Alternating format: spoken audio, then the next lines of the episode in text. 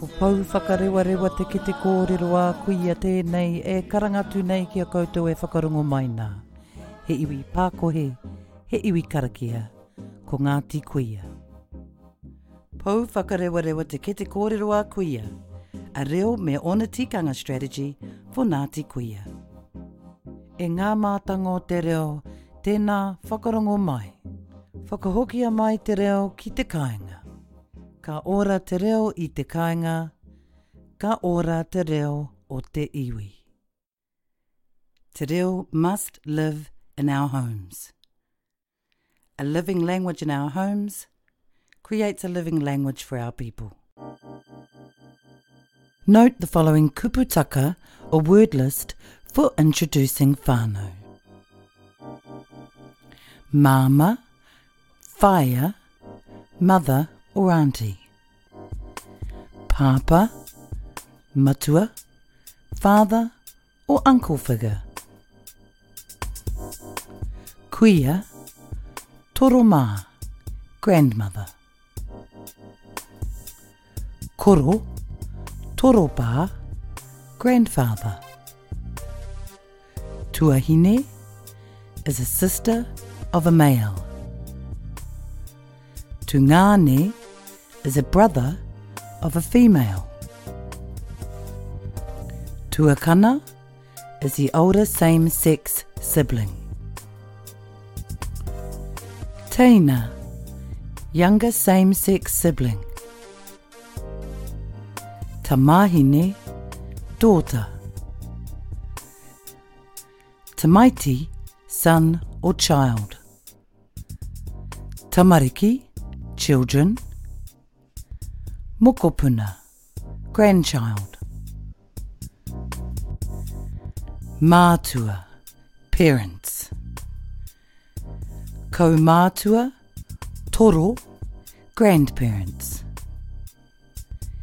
Ingoa is name, and kuri is dog. All of the previous words belong to the tumu whānau, a whānau of words that make sense when said by themselves. More information about the tumu and punga whānau can be found in the section called Te Reo tikanga. The following words belong to the punga whānau. Tōku, ōku, tāku, and āku. All of these words mean my. Tōku, singular, means belonging to me of the same or older generation. For example, ko mere tōku māma. Mere is my mother. Ko Bill tōku koro. Bill is my grandfather. We use tōku here because they are of the same or older generation to me, the speaker, and there is only one. Tōku māma, my mother. Tōku koro, my grandfather. Oku also means my, but this is used when there is more than one. It means belonging to me and of the same or older generation. Ko mere rāua ko Tom oku mātua. Mary and Tom are my parents. Ko Tracy rāua ko Kylie oku teina. Tracy and Kylie are my younger sisters. Oku means my, and we use it when there is more than one. Oku mātua, my parents. Oku teina, my younger sisters. Tāku and aku also mean my. Tāku means created by me and of a younger, following, or next generation. It also applies to pets. Ko Tenaira tāku mokopuna. Tenaira is my grandchild. Ko Aniwaniwa tāku tamāhine. Aniwaniwa is my daughter. Ko Patu tāku kuri. Patu is my dog.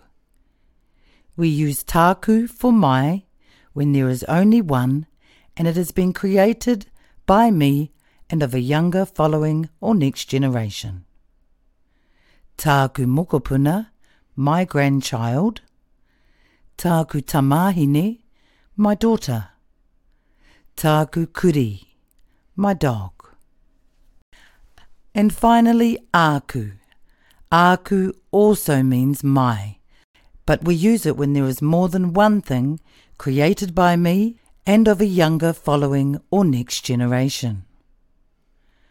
Ko aio raiwa ko Tenaira aku mokopuna. Aio and Tenaira are my grandchildren. Ko raiha rātou ko ninis, ko whitiora, aku tamariki. Raiha, ninis and whitiora are my children. And so to recap, when introducing whānau members, we have four words that mean my. Tōku, oku, tāku, and aku. Like ko, te, and ngā, they belong to the punga of words and don't have meaning when said alone. What they do, though, is bring tikanga or meaning to the tumu whānau of words. When introducing whānau members, we choose the word appropriate to which generation they sit in relation to ourselves, the speaker. If they are in the same or older generation, we use tōku if there's one name mentioned, and oku if two or more names are mentioned. If they are in the next or the following generation, we use tāku if there is one name mentioned, and aku if two or more names are mentioned. We also use taku and aku for pets. Listen to Tanaira as he introduces his family. Tēnā whakarongo mai. Kia ora tātou. Hotu te paurangi te tangata. Ko Andy tōku kuia.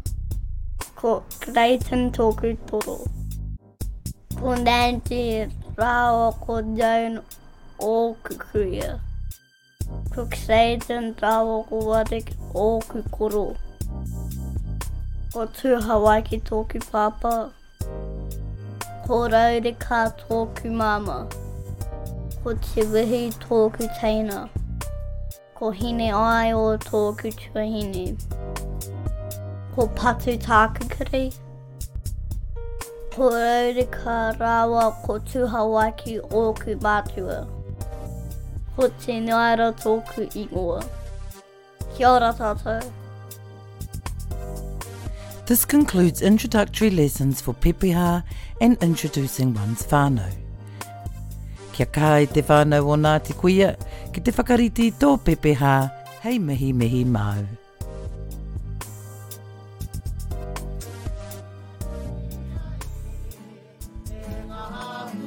We Mother.